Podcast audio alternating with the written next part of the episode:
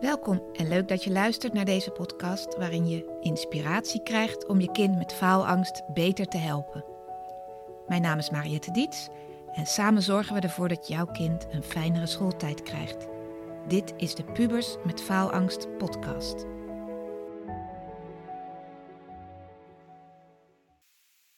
Hey, even een korte aflevering, want ik lig eigenlijk ziek op bed. Dus wie dit op YouTube kijkt, die zal wel denken, wat ziet ze eruit? En als je dit luistert, zul je denken, wat klinkt ze raar? Want ik zit met mijn AirPods, terwijl ik normaal in mijn werkruimte zit met een microfoon en zo. Maar ja, ik wil die traditie van elke maandag een aflevering wel even in ere houden. Waar ik het vandaag over wil hebben met je, is het over moeders die zo graag dingen willen fixen, die gewoon willen dat het beter met hun kind gaat. En ik lees het echt vaak in van die groepen voor puberouders op, uh, in, op internet, hè, van, van die fora, van die Facebookgroepen.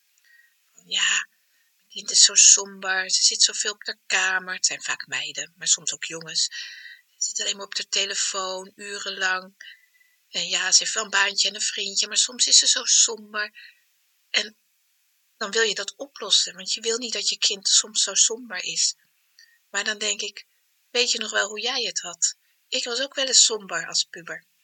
Dus het hoeft helemaal niet iets ergs te zijn. En deze, het voorbeeld wat ik nu beschrijf, die moeder zei ook, ja, we gaan naar de huisarts.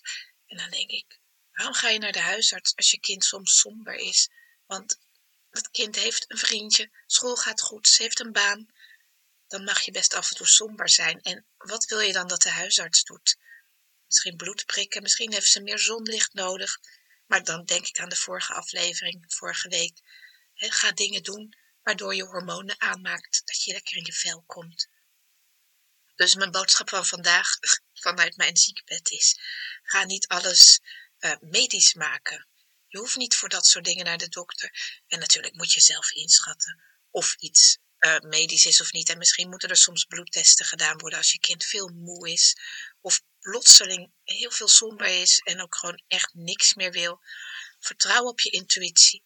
Maar als het echt alleen maar bezorgdheid is, want je gunt je kind dat ze gelukkig is, weet dan, in de puberteit hoef je niet altijd gelukkig te zijn. Je mag ook je dips hebben.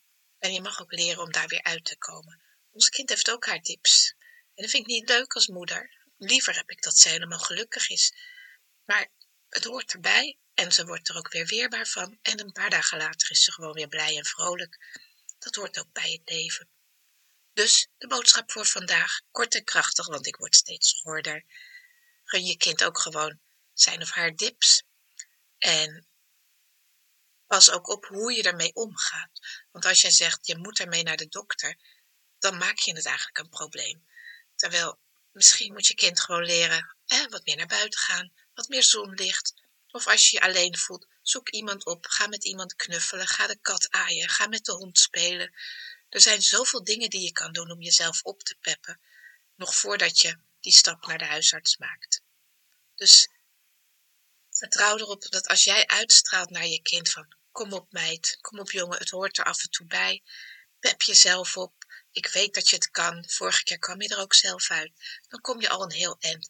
En natuurlijk, soms is het wel erg en soms is het heftiger. Dus ik zeg ook vertrouw op je intuïtie. Maar die zorg van, oh, mijn kind moet gelukkig zijn. Probeer dat een beetje bij te stellen. Want in de puberteit hoef je niet altijd gelukkig te zijn. Nou, ik stop daarmee. Volgende week weer een langere aflevering. En uh, als je vragen hebt, mag je me altijd een mailtje sturen. En dan uh, spreek ik je volgende keer weer. Doei doei. Bedankt weer voor het luisteren naar de Pubers met Faalangst podcast. Wil je met mij sparren over jullie situatie? Dan kun je altijd een gratis kennismakingsgesprek inplannen via www.dietscoaching.nl. Vind je deze podcast interessant?